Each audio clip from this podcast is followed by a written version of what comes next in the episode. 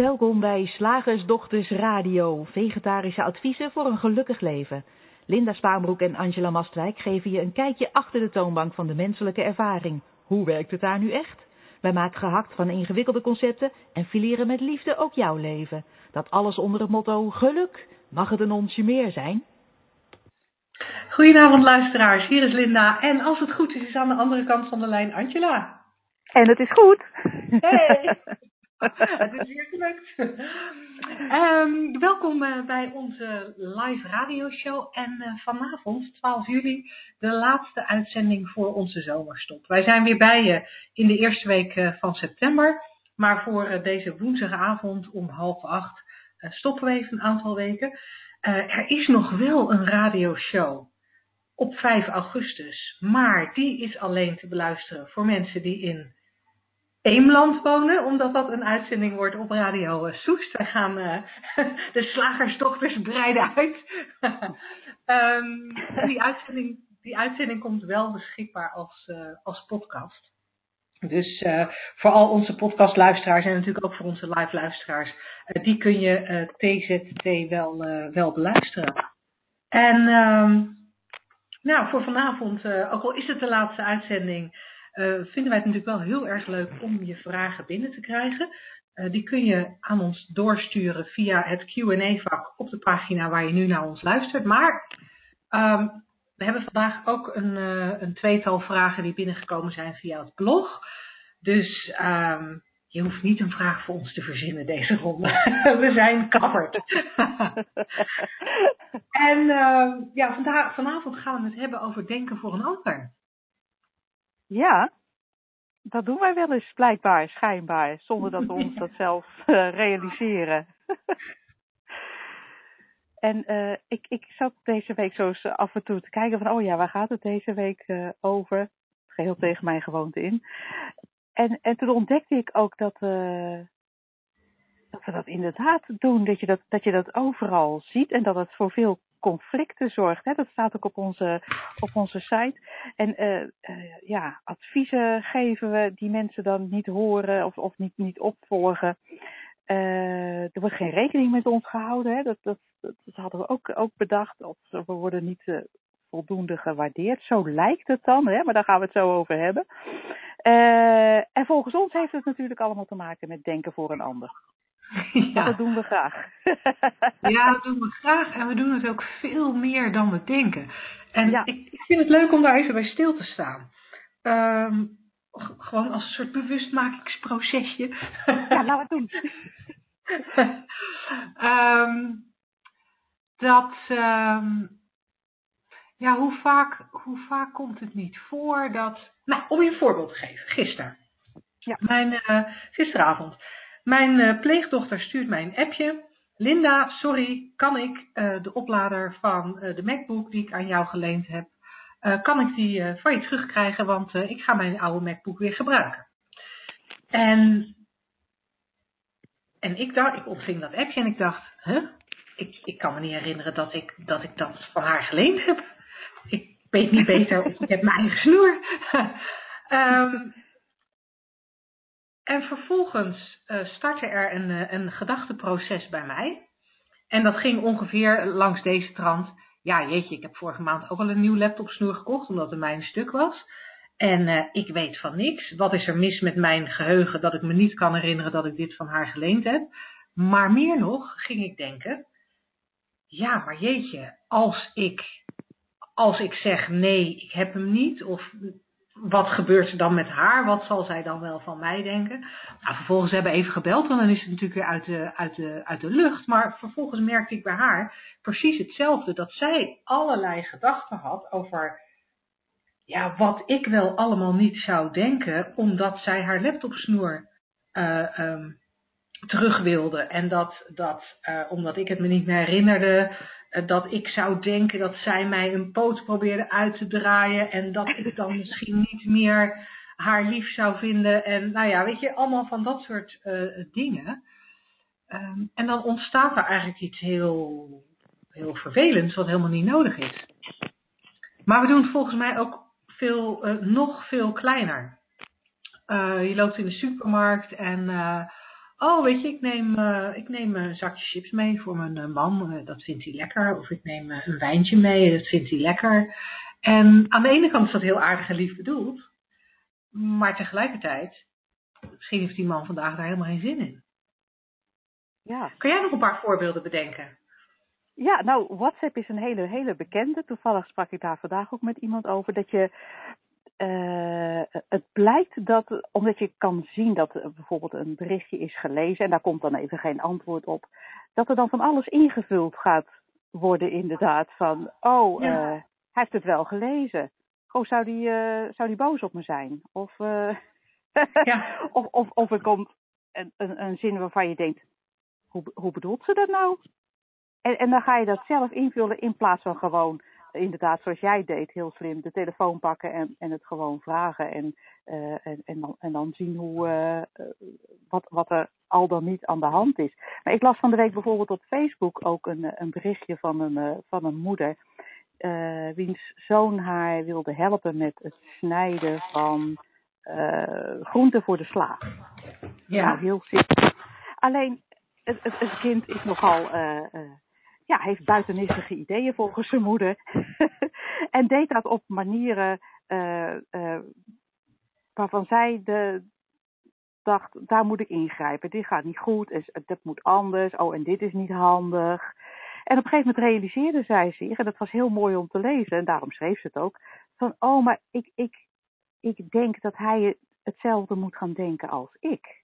Ik ben Ja. eigenlijk voor hem aan het denken. Terwijl hij ja, op een andere manier en misschien ja, in mijn ogen onveilig of niet handig of de grote stukken, ik noem maar wat, hè, eh, gewoon zijn ding aan het doen is en lief aan het helpen is. En waarom doe ik dit eigenlijk? En ik dacht, ja, we doen, we doen het heel vaak. En eh, ja, bij mijn kinderen vroeger eh, vind ik een heel, heel goed voorbeeld dat ik voortdurend voor hen aan het denken was wat voor hen het beste zou zijn. En ze dan ook een beetje die richting in, in duwde, alsof ik, het, eh, alsof ik het beter wist.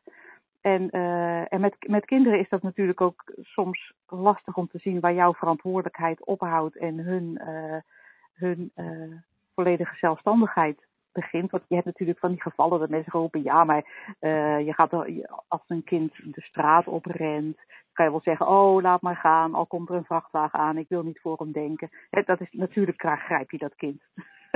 Mm. maar, maar, maar toch in heel veel, heel veel gevallen merkte ik bij mezelf dat ik voor mijn kinderen aan het denken was waar dat eh, niet eh, nodig was, maar ook totaal niet behulpzaam was. En, en, wat ik, en dat is dan denken voor een ander. En het, wat ik net eh, over de WhatsApp vertelde, en dat, dat bespeur ik ook, ook bij jou, is dat dat denken ook vaak de vorm aanneemt van invullen.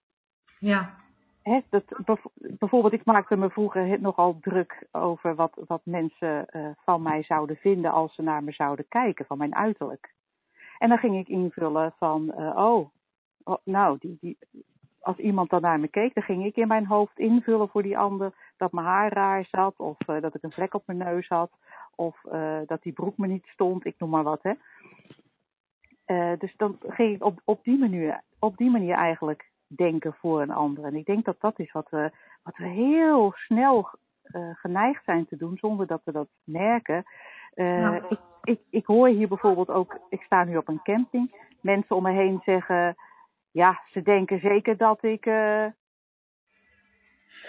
dit voor ze op ga ruimen, ik noem maar even wat, hè. Ja. En dat, dat vind ik altijd fascinerend als er bijvoorbeeld troep gemaakt is.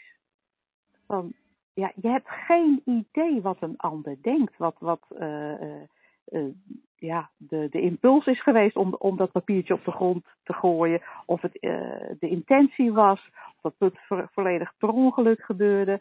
Maar dan is er een soort eh, invulling van, nou, hier heb ik last van. En, dat zal, en wat denken zij wel, zeggen we dan ook wel eens, hè? Ja, want dat is wel iets wat mij, wel? ja, dat is wel iets wat mij opvalt bij, eh, bij invullen. Dat we, eh, veel van ons zijn wel geneigd om de dingen op zo'n manier in te vullen dat het voor onszelf net een beetje negatief uitpakt. Oh, hij reageert niet, eh, of zij reageert niet op mijn appje. Nou, dan heeft ze het zeker te druk om met mij te communiceren. Dan Oh, ben ik zeker niet belangrijk genoeg.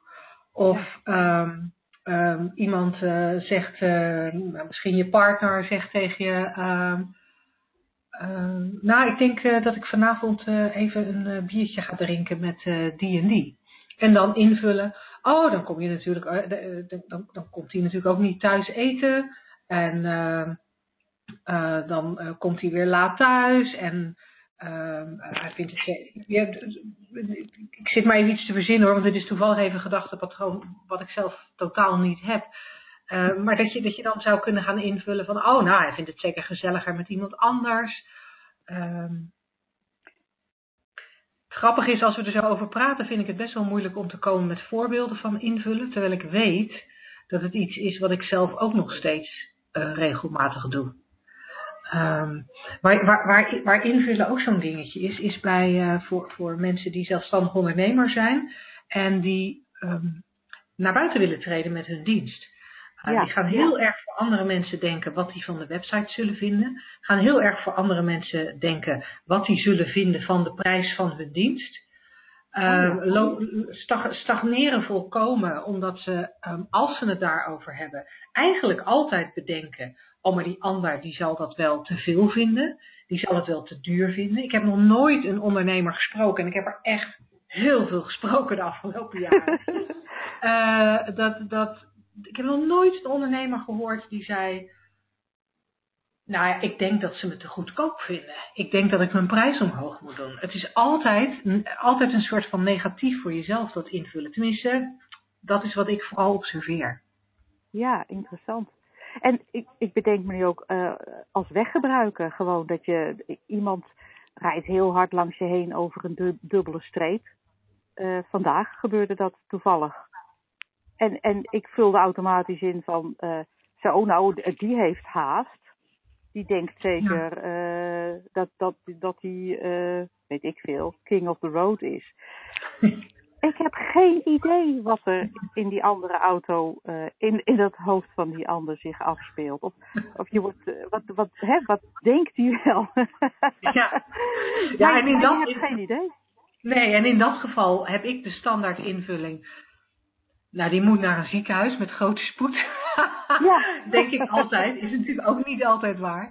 Um, en en, ja. ja. en wat, wat zou er gebeuren als we dat. Als we dat uh, kijk, wij zeggen nooit, daar moet je mee ophouden. Uh, het is er rondom te doen om, om je een beetje te laten zien dat alles eigenlijk een intern gebeuren is. Dat alles zich afspeelt in die, nou hoeveel zou het zijn? 10, 15 centimeter.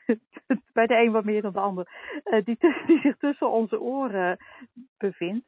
Alles wordt daar verzonnen, geprojecteerd, uitgelegd, betekenis gegeven. Terwijl dat helemaal niet zo hoeft te zijn. En wij zeggen niet dat je daarmee op moet houden. Maar als je doorziet dat dat is wat je doet.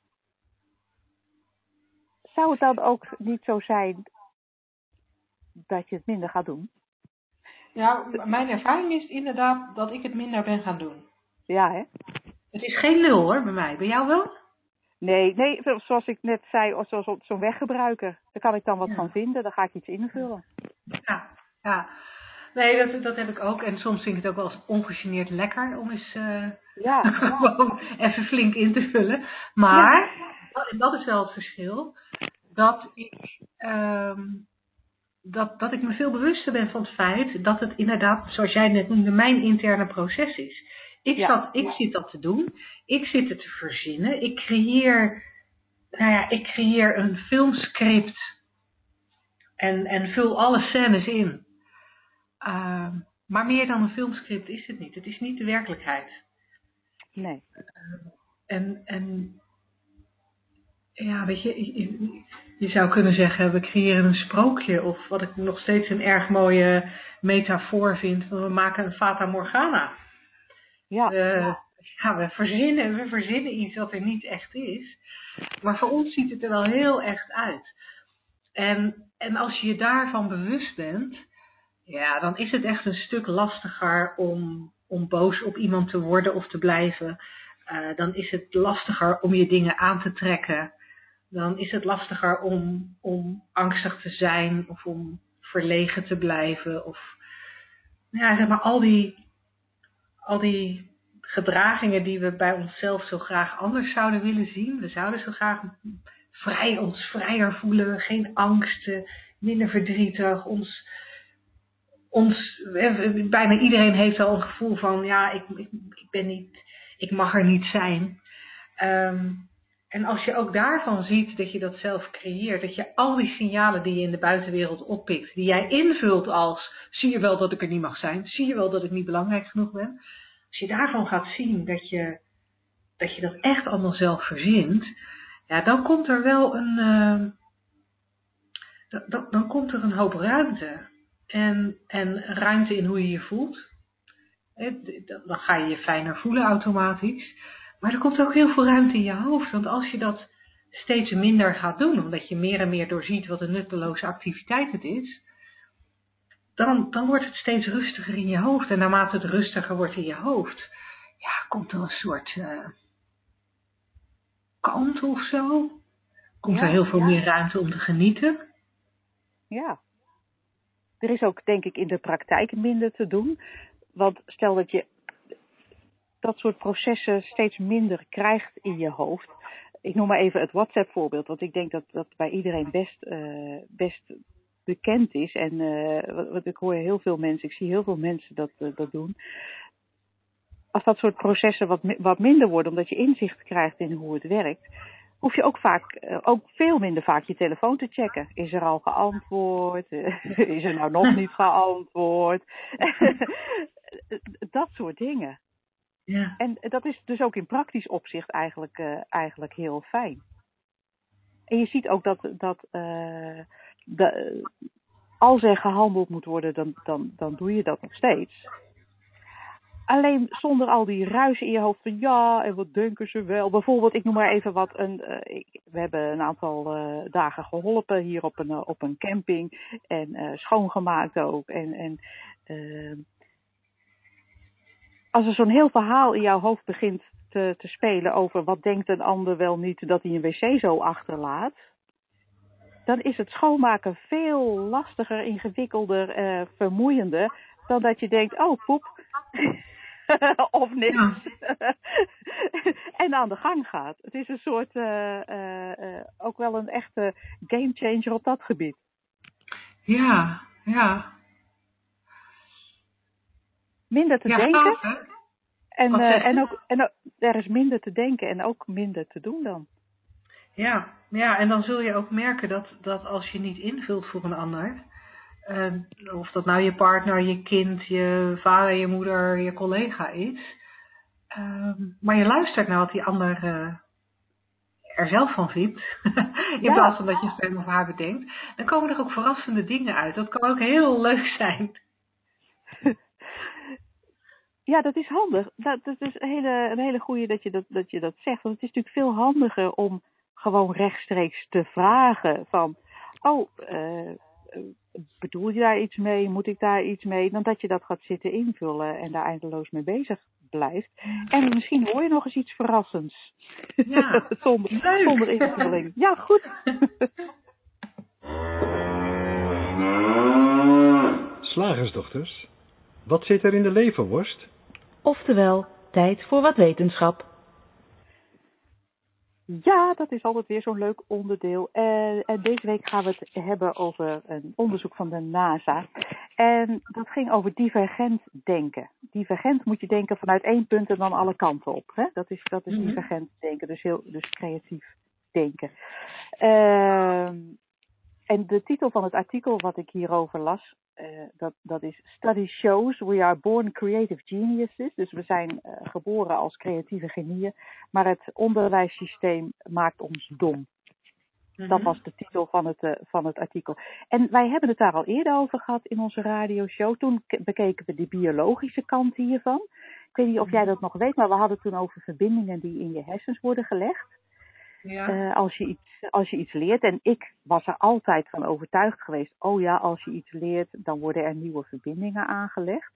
En, en dat is ook wel zo. Maar uh, waar, uit dat onderzoek toen kwam uh, dat, dat je eigenlijk geboren wordt met, met heel veel verbindingen in je hoofd. Laat ik het zo maar eventjes uitdrukken. En dat als je bijvoorbeeld een taal leert. dat er juist verbindingen wegvallen, omdat dan van alle, alle klanken nog maar één betekenis hebben. Ja. Voor, voor jou in de taal die jij als moedertaal leert. En dus, dus eigenlijk is het, was het dus een soort wegknippen van verbindingen als je, als je Ja, gaat leren. ja.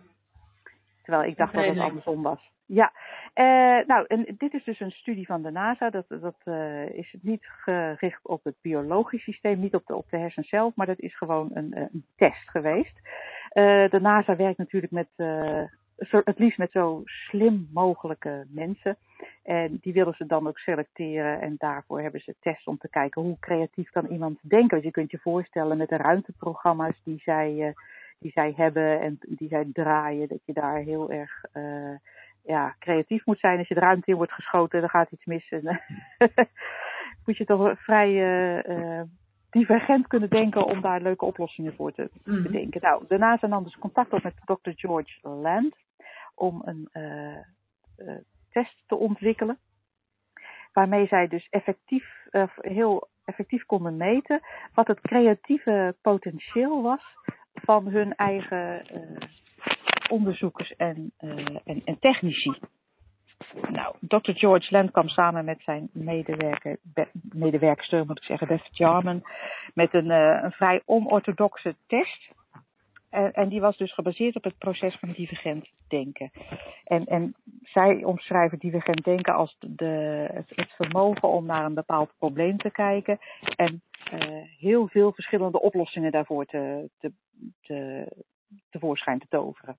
Mhm. En eh, dus die test die eh, werd eh, ontwikkeld en aan de NASA geleverd. En da- daar waren ze er erg blij mee met de effectiviteit van die test. En dus het was één groot succes. Maar die twee onderzoekers, Land en Jarman, die dachten... Wij willen eigenlijk hier verder mee. Want ze vonden het zelf ook nogal een interessante test. En ze wilden de, de, de ware bron van creativiteit eh, beter leren kennen. Waar kwam het nou vandaan? Is dat genetisch bepaald of is dat het resultaat van levenservaring of iets anders? En die test die ze hadden ontwikkeld was eigenlijk die was zo simpel dat die eh, toegepast kon worden op welke leeftijdsgroep dan ook. Dus besloten de onderzoekers om 1600 kinderen te gaan testen eh, tussen de 4 en de 5 jaar. Dat is wel een mooie, een, een, een, een, mooie grote groep. Dan kan je nog eens wat eh, Ja, verbinden aan die uitslagen. Ja, ik dacht, daar kan ik wel mee aankomen bij jou. Ja. Een goed gefundeerd onderzoek. 1600 kinderen tussen, tussen de leeftijd van 4 en 5 jaar. Die konden dus die test doen. En eh, een verrassende uitslag in eerste instantie voor de onderzoekers. Want van die 1600 kinderen die die test, eh, waarbij die test werd afgenomen, scoorde 98% op het level geniaal. Wow. Ah, ik zeg het nog een keer, 98% van die 1600 kinderen scoorden geniaal toen ze tussen de 4 en de 5 jaar eh, oud waren. Gebaseerd op Ja. deze test. Nou, dat vond, vonden die twee onderzoekers echt ongelooflijk. En ze besloten er daarom een hele een lange studie van te maken. Een longitudinale studie hè, heet dat. Mhm. En eh, diezelfde groep, het loopt dus al heel lang, diezelfde groep kinderen, die eh, gaven ze dezelfde test steeds met vijf jaar tussentijd. En die resultaten waren ook nogal schokkerend. Schok, schokkend, chockerend. Maar dit keer om een heel andere reden. Want diezelfde kinderen, die dus vijf jaar later eh, op de lagere school zaten, op de basisschool, eh, daarvan was nog maar 30% geniaal. Ja. Dus 68% minder. Nou, je hoort al welke richting het opgaat. Vijf jaar later werd er nog eens getest. Zelfde groep kinderen. Nu zaten ze op de middelbare school. En nog maar 12% scoorde geniaal op deze test. Nou, dat, dat vonden de, de, de onderzoekers nogal ehm, disturbing. Dat is een mooi Engels woord. Mhm. ja, ze waren daar nogal eh, door geschokt. En eh, daarom hebben ze besloten om, om diezelfde test uit te voeren op volwassenen die van 25 jaar en, en ouder. Hè? Want ze, met die kinderen zijn ze dus niet verder gekomen als, als, als tien jaar verder. Hè? Dus toen, tot ze terug waren gevallen op, op 12 procent. Dus ze hebben de test herhaald bij gewoon groepen volwassenen. En uh, heel veel uh, onderzoeken gedaan en heel veel mensen. En de uitslag was steeds hetzelfde, boven de 25 jaar. En gemiddelde leeftijd was 31 jaar van de, van de testsubjecten. Uh, er was maar 2% van alle volwassenen die geniaal level scoorden. En ehm, om even aan te geven dat het, dat het geen toeval kan zijn. Ze hebben deze resultaten, omdat het zo'n heel simpele test was, die, die heel snel gemaakt kan worden door heel veel mensen, uh, is hij al meer dan een miljoen keer herhaald. Dus het kan echt geen, uh, geen toeval zijn. Nou, de implicatie van deze, van deze studie die zijn, nogal, uh, zijn nogal duidelijk. Hè? concludeert de schrijver van dit artikel gebaseerd op dat onderzoek.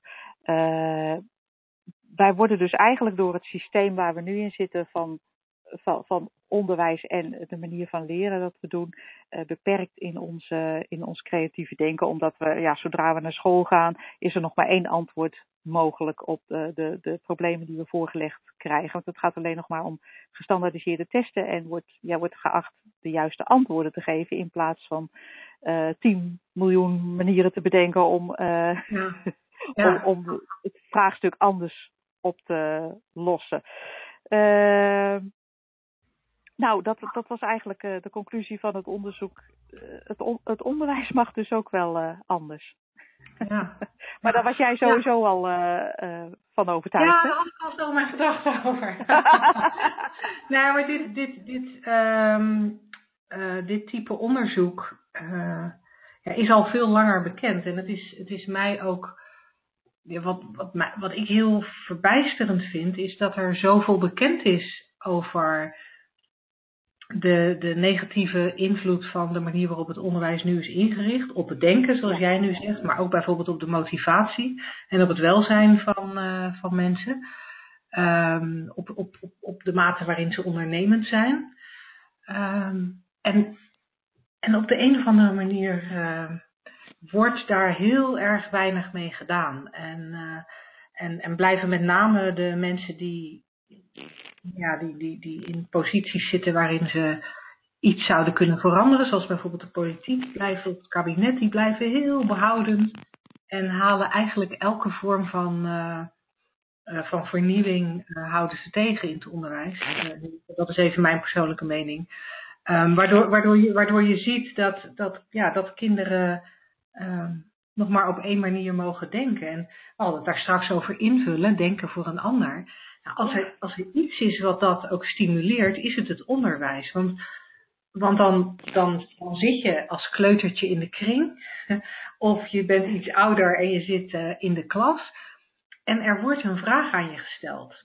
Dan, en je weet dat de juf of de meester die de vraag stelt, die weet het antwoord. Ja. Want er wordt, zelden, er wordt zelden een creatieve vraag gesteld. Het is natuurlijk meestal van, hè, als je kijkt naar kleuters, welke kleur is dit? Welke vorm is dit? Ja. Uh, en dan moet je het goede antwoord geven. De juf weet het. En wat zou zij nou willen horen? en en, en bij, bij vormen is het, en kleuren is het over het algemeen nog vrij recht toe recht aan. Op het moment dat we een beetje in de paars-roze tinten komen, wordt het natuurlijk al lastiger. Maar als het een beetje primaire kleuren blijven, gaat het allemaal nog wel. Maar als je wat ouder bent en, en, en daar worden vragen aan je gesteld over aardrijkskunde of over geschiedenis of over biologie, dan, dan, dan dan gaan kinderen bedenken wat de juf of de meester wil dat ze gaan antwoorden. Uh, en dat is fascinerend. En dan ben je niet meer, dan ben je niet meer aan, aan het nadenken over wat er allemaal zou kunnen, maar ben je aan, aan, het, aan het invullen voor de juf. Want ja, als je het antwoord geeft dat de juf graag wil horen, dan krijg je het goede cijfer. En daar word je voor gecomplimenteerd. Nou, enzovoort, enzovoort. Ja, dus, ja. en dat is een, uh, dat is een hele, hele, dat heeft hele grote, grote impact. Toevallig uh, kreeg ik laatst een bericht van iemand en, en die beschreef uh, inzichten die ze had gekregen. Was echt, was, was echt heel mooi. En die, en die zei ook, en, en dat, dat, dat zit hier een beetje aan vast. ik, ik merk dat ik alles intern uh, bestempel, net als vroeger op school, met een kruis of een krul. Ja. Ja. Ja, ja, zo wordt ons dat geleerd ook. En, en, en wat jammer, hè? Want, ja, het is. Uh, het kan zoveel creatiever. Om, en dat is natuurlijk wat wij ook zeggen in de Three Principles: dat je als, als mens eigenlijk. Uh, we hebben dat vermogen om te denken allemaal. En dat is oneindig creatief. We hebben een oneindig potentieel in ons om, om met nieuwe gedachten tevoorschijn te komen die nog nooit gedacht zijn. Uh, en, en dat wordt op, op deze manier. Kijk, het gaat nooit uit je weg. Hè? Dat, dat, potentieel blijft natuurlijk in je zitten. Want dat, dat is onderdeel van uh, wie, wie, je, wie je bent als, als mens, als drie principes in uitvoering. Het gaat nooit weg. Maar het wordt op deze manier, manier vaak wel een soort ondergesneeuwd. Door de, door de manier waarop we leren en op, waarop we gewend zijn om naar antwoorden te zoeken wat is de juiste, dan krijgen we een krul. En, wat is, en als het fout is, krijgen we een kruis. En dan volgt er een soort straf. En dat is jammer. Ja, en wat ik interessant vind aan, aan hè, wat, wat, wat jij dan nu net vertelt over die kruis en die krul bij de dingen die je denkt. Um, er zijn een aantal dingen die me daaraan opvallen. Het, het, het, het feit dat je. Dat, en, en deze mevrouw is daar volgens mij absoluut niet alleen in. Hè? Ik denk dat veel mensen er last van hebben. Als dat procesje bij je speelt, dat je elke gedachte die je hebt beoordeelt, dan, dan ben je een soort van dubbel aan het denken. Je denkt, je denkt wat je gewoon denkt, maar je bent ook nog aan het nadenken over je denken. Um, dus dat is, dat is gewoon extra vermoeiend. Uh, dat is jammer. En het andere wat ik erin zie, is dat het volledig voorbij gaat aan het feit dat elke gedachte in wezen neutraal is. Mm En, uh,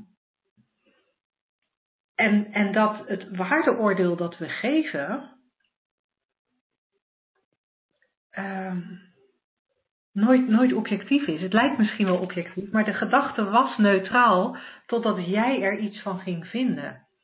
En, en dat wat je vindt is totaal willekeurig. Dat wat je vindt is eigenlijk ook een invulling. We komen ook weer, we komen weer terug op dat, op dat invullen. Dat is een invulling. Uh, En je merkt misschien ook wel aan jezelf um, dat, dat uh, en dan jezelf bedoel ik even onze luisteraars, dat je het ene moment een gedachte kunt hebben en er oké okay mee bent. En het andere moment, een dag of een maand later, eigenlijk dezelfde gedachte en je bent er niet meer oké okay mee. Uh, dan krijgt het ineens wel een kruis, terwijl het eerder een, een krul kreeg. Um, en en dat, is ook al, dat toont ook al zo aan hoe arbitrair, de, ja, hoe arbitrair je oordeel over je eigen denken is. Dus dat herkennen, wat je denkt is neutraal, dat, dat, dat is wel lekker. Maar we, wijken, we wijken wel een beetje af van jouw wetenschap. Dat kan schelen. We zijn heel divergent vandaag. Zullen we door naar de luisteraarsvraag? Ja. Zeg, slagersdochters, hoe bak ik die vegaburger? Over naar de luisteraarsvraag. Ja, want wat uh, ontzettend leuk is dat uh, we naast de vraag die via het blog is binnengekomen, uh, ook nog een vraag binnen hebben gekregen van, van Marie-Loes, die live luistert. Maar wat, wat daar vooral zo leuk aan is, um, is dat zij een vraag heeft die volgens mij samenhang heeft met de vraag van Francine die via het blog is binnengekomen. Ik ehm, lees eerst even de vraag van Marie-Loes voor. En, uh, en dan zometeen die van Francine kunnen we even kijken of ze inderdaad uh, overeenkomen. Uh, Marie-Loes zegt, want de, de uitzending heet Denken voor een ander. En zij zegt, of anderen denken voor jou. Mijn moeder heeft onder andere Alzheimer en woont in een verpleeghuis. Afhankelijk zijn is bijvoorbeeld niet slechts een gedachte. Um, het laatste beetje, en dan denk ik dat ze bedoelt het laatste stuk van je leven, kent vele ongemakken die feitelijk, die feitelijk los zijn van eventuele gedachten. De vraag is, gaat het ook over niet weg, constructief of omdenken? Is het voor iedereen weggelegd qua geestelijke gezondheid? En wat is er voor nodig om iemand dan te helpen? Oeh, ik vind deze vraag wel een beetje, als ik hem nu nog iets duidelijker lees, het lijkt wel alsof er een, een aantal verschillende vragen in zitten, Mariloes. Ja. Ehm, en, en ik denk dat een deel van je vraag beantwoord wordt door ons antwoord op de vraag van Francine. En dan zou ik het heel fijn vinden als je voor uh, volgende keer, dat is dan weliswaar september, maar dat maakt niet uit. Uh, als je ons even zou willen mailen naar uh, vragen.shiftacademy.nl, um, um, zeg maar even het vervolgvraag. Dat je, dan heb je misschien net even iets meer um, ruimte in zo'n mailtje om je vraag toe te lichten. Want hij is voor mij nu een beetje te, uh, te abstract. Nogmaals, ik hoor wel een stuk erin wat ook in de vraag van Francine zit. Dus ik denk wel dat we in ieder geval een deel van je vraag beantwoorden. Nou, Francine heeft via het uh, blog uh, een vraag gesteld. En dat mag dus ook, hè, gewoon als reactie op een van onze blogposts.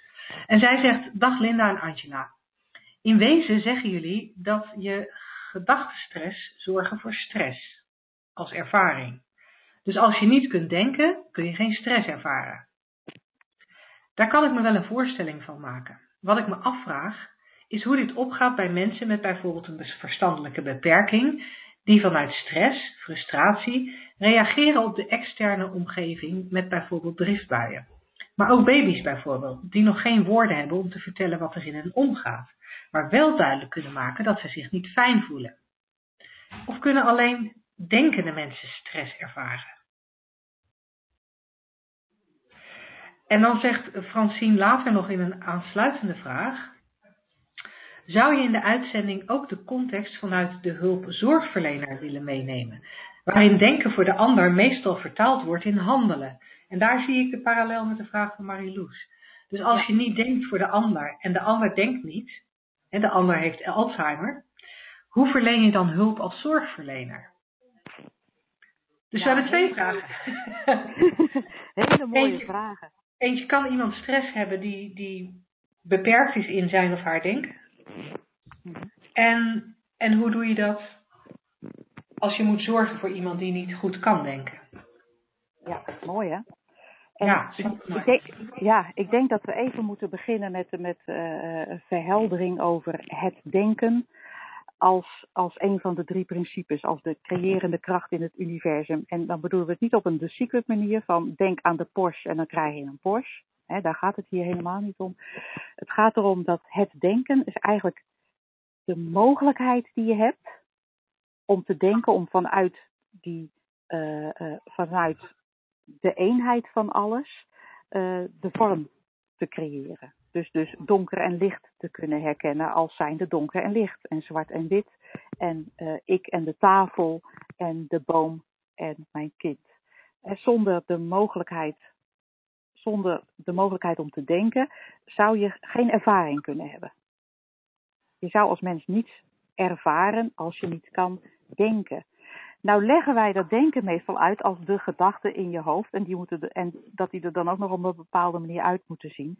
Maar alles in deze wereld van de vorm is.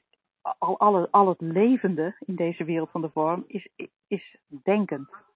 Ook de baby die geboren wordt, heeft al de mogelijkheid tot denken. Al is dat nog niet in de vorm van persoonlijke gedachten van goh, wat lig ik hier lekker in mijn kamertje of uh, shit, ik heb het koud of uh, mijn broek zit uh, volgepoept.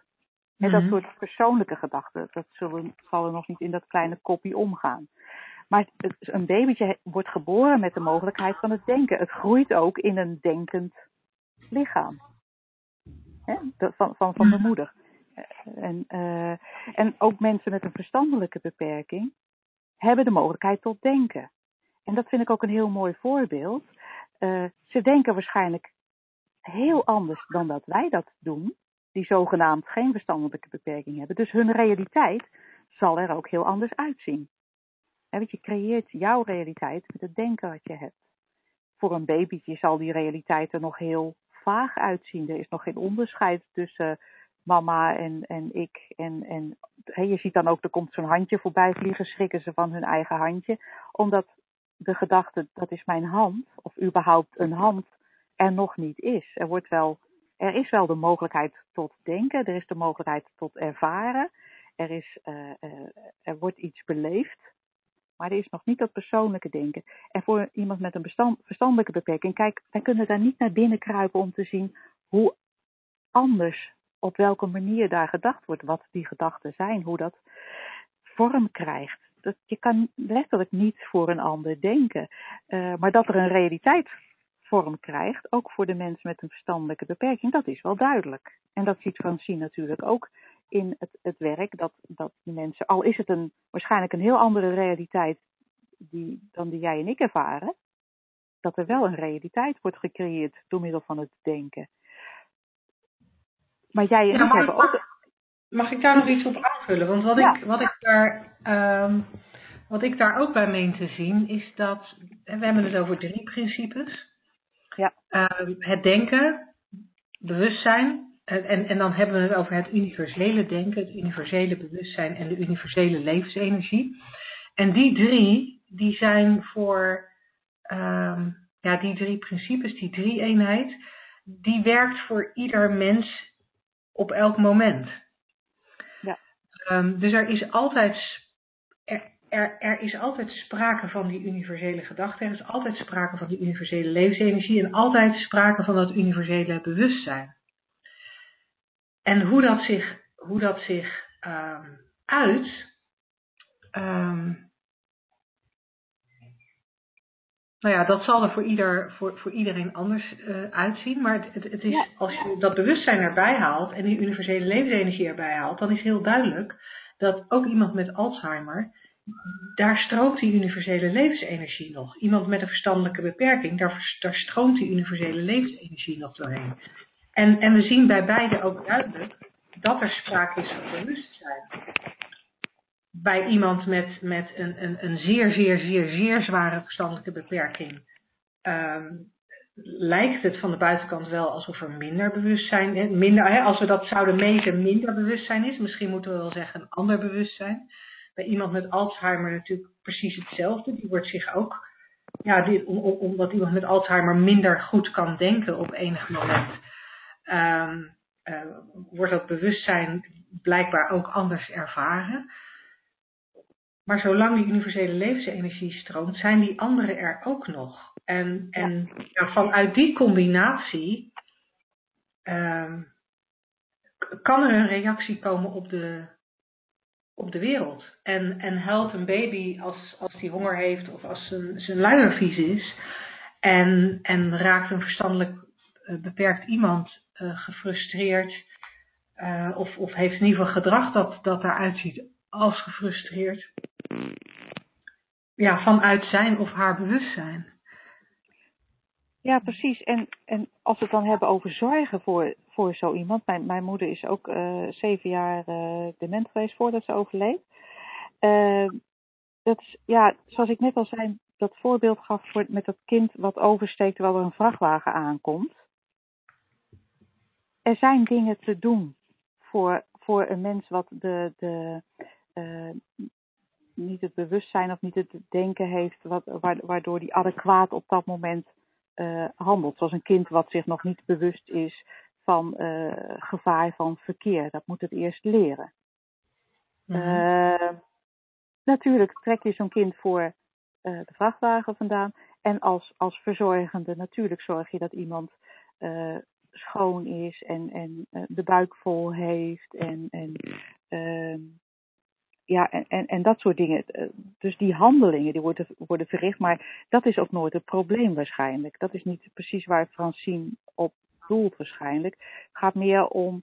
Uh, uh, ja, ik, ik, wat er in mij opkomt is dat heel veel mensen zeiden tegen mij destijds, mijn moeder kwam in een tehuis terecht, van, oh ze herkent jou niet meer, wat erg. Vind je, of vind je dat niet erg, was dan de vraag. En dan dacht ik altijd, nee, want zij hoeft niet te denken zoals ze altijd dacht, of ze hoeft niet te denken zoals ik denk en mij dus te herkennen. Zij is gewoon nu, ja, uh, blijkbaar heeft zij een andere, is zij een andere realiteit aan het creëren. Is er, is er een heel andere beleving, hè? Want,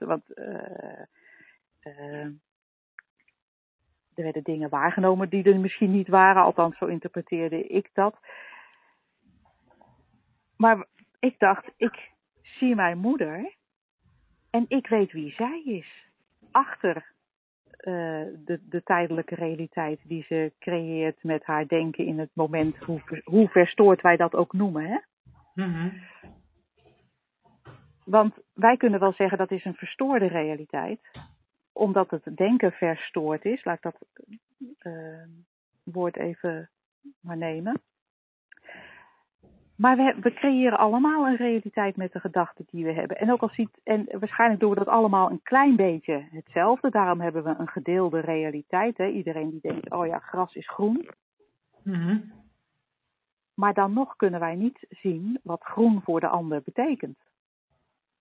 Hoe die ander dat vertaalt in zijn hoofd hoe dat er in zijn realiteit uitziet. En dat is natuurlijk precies hetzelfde voor iemand met een verstandelijke beperking of iemand met Alzheimer. Wij hebben geen idee hoe de realiteit voor die mensen eruit ziet. Als ik terugkijk naar, uh, naar hoe dat was met mijn moeder, dan kon ik er alleen maar bij zitten. En eigenlijk net zoals jij net zei, Linda, dat vond ik zo mooi. Van, dan kan je nieuwsgierig worden naar wat er in de ander omgaat. Ook al kan dat niet gecommuniceerd worden. Hè? Mhm. In het geval van mijn moeder, die communiceerde niet meer. Ook al kan het niet gecommuniceerd worden, dan kan je er wel bij zijn en, en kan er een nieuwsgierigheid zijn van, oh, hoe zou het er voor jou uitzien? En, en in die verwondering eigenlijk, wat, wat ook een soort stilte in je eigen hoofd is, hè? in plaats van dat je denkt van, nee, dat zie je verkeerd, of dat moet je anders zien, of uh, uh, je ziet het niet goed, uh, je herinnert je het verkeerd, of ik noem maar wat gewoon een soort, soort vanuit stilte en nieuwsgierigheid. Goh, hoe zou het er voor jou uitzien? Was het eigenlijk uh, ja, heel duidelijk wat zij in het moment, ja, waar zij in het moment behoefte aan, wat, aan had. Dat was een soort, soort natuurlijk. Ik weet niet Ja. precies hoe ik Ja. dat moet uitleggen, maar misschien zie jij er iets in. Ja, nou, ik zit natuurlijk met Francine's vraag voor mijn neus. Dus ik, ik zat nog even dat laatste stukje te lezen. Waarin ze dan zegt van ja, als je niet denkt voor een ander. En de ander denkt niet, hoe verleen je dan hulp als, eh, als zorgverlener? Ehm, Ik denk dat het meer intuïtief wordt.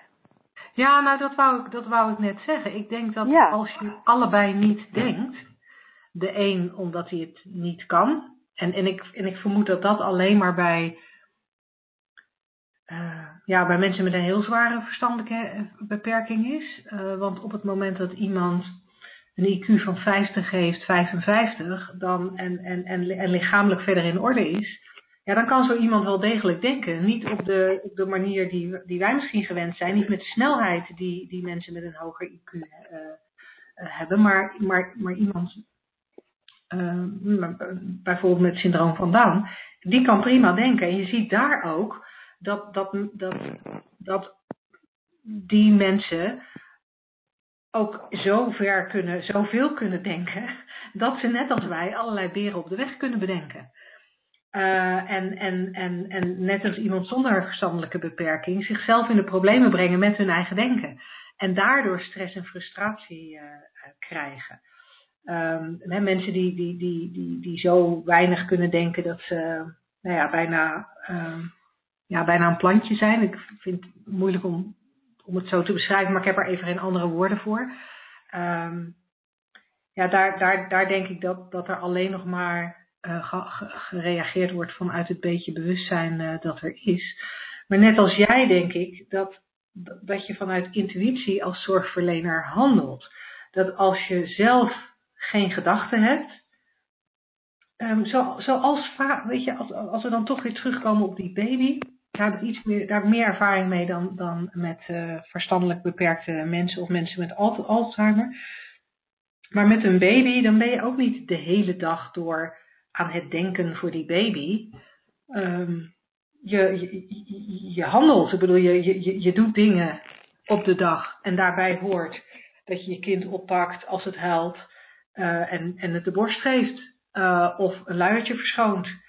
En, uh, en, en je pakt het op en, en je neemt het mee omdat je boodschappen gaat doen. En het lacht naar je en je lacht terug. En daar zit, daar zit heel, veel, heel veel intuïtie in. Daar, daar zit niet een heel bewust denken in van, goh, wat zou mijn baby nu nodig hebben? Heeft mijn baby het nu nodig om bij mij op schoot te zitten of niet? En daar kunnen we natuurlijk wel eens inschieten als ons kind de hele nacht aan het huilen is. eh, dan gaan wij erover nadenken. Ehm, maar er zijn natuurlijk heel veel momenten waarop je daar gewoon, gewoon doet wat er gedaan moet worden. Zoals je ook voor jezelf gewoon naar het toilet gaat als de, de aandrang komt om naar het toilet te gaan. Om maar even iets heel plastisch te noemen. Ehm, daar denken we ook meestal niet over na. En, en, en ik denk dat dat bij zorg voor een ander net zo zou kunnen zijn. Je komt denk ik in de problemen als je als zorgverlener, als je verhalen gaat maken. Verhalen over waarom deze demente mevrouw doet wat zij doet. En verhalen gaat maken over hoe zij het ervaart en, en, en wat het voor haar betekent en wat het voor haar familie betekent. En dat doet mij, en het is een heel oneerbiedige vergelijking, maar het doet mij denken aan, uh, aan de favoriete hobby van jou en, uh, en jouw vriendin, waarmee jij vaak in uh, Portugal verblijft, winters. jij hebt mij wel eens verteld dat jullie niks leuker vinden dan naar haar hond kijken en voor hem bedenken wat hij denkt, wat hij voelt en hoe hij het leven ervaart. Wetende dat het, dat het niet waar is wat je bedenkt. Maar je maakt er wel een heel verhaal bij. Ja. En ik, ik kan me zo voorstellen dat, dat, dat bijvoorbeeld hè, bij jouw moeder destijds, um, dat, dat het voor sommige zorgverleners aantrekkelijk is om, om ook een verhaal te maken bij haar ervaring en haar beleving. Um, ja, die net zo verzonnen is als het verhaal van jou en je vriendin over wat de hond op dit moment toch allemaal denkt. Ja, ik, ik vind het heel mooi dat je die, die intuïtie ook noemt in vergelijking met het uh, verzorgen, voor de, uh, verzorgen van, de, van de baby. Hè. Dat gaat ook, ook vanzelf.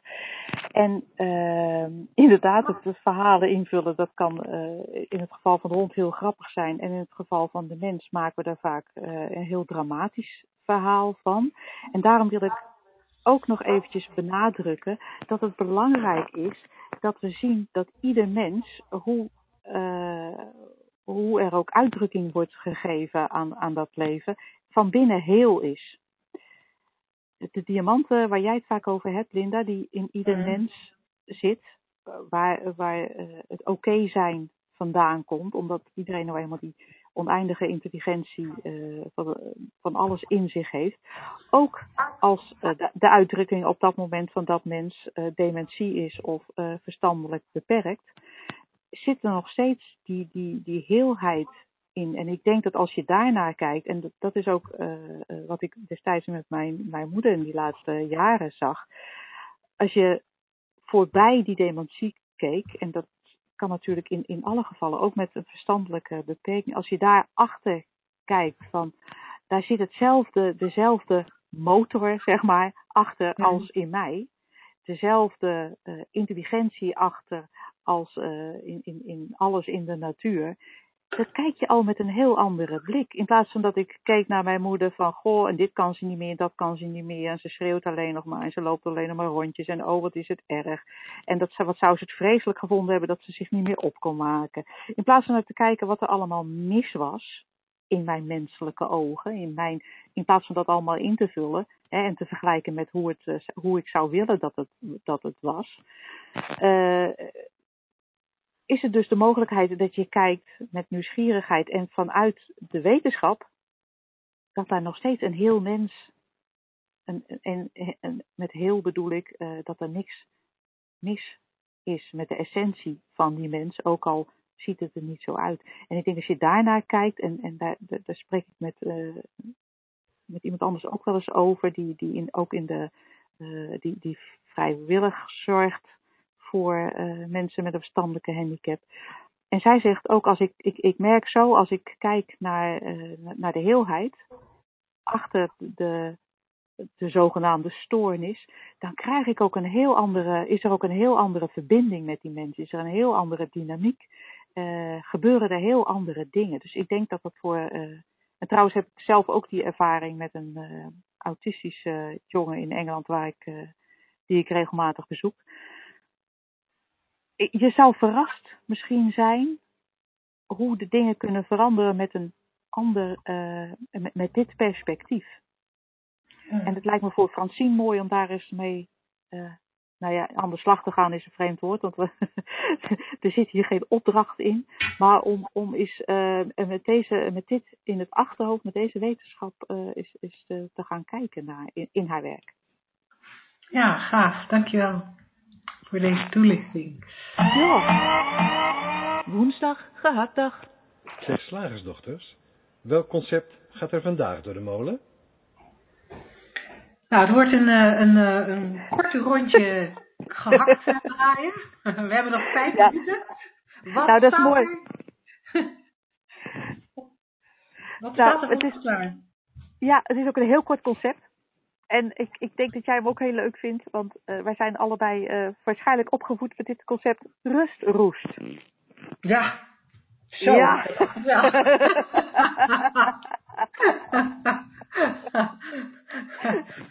ja, nee, voor stilzitten, jongen, daar krijg je echt inderdaad allemaal alleen maar mankementen van. Ja, Mijn ouders ja, noemen nee, dat ook heel letterlijk. Ja. Oh ja, oh grappig. Ja, dus, en, en nog steeds? Ja, ja, ja. Ja. Ja, ja. Ja. nou en ik, ik heb ook niks tegen, tegen fysieke inspanning, hè, om, om, om de boel een beetje soepel lopen te houden. Maar daar gaat het eigenlijk niet over. Hè. Als concept rust roest, ja, ik vond het leuk om even te vermalen en dat kunnen we dan ook heel snel doen. Omdat uh, uh, rust eigenlijk uh, het uitgangspunt is ook van, ja, van gelukkig voelen en van, van oké okay zijn.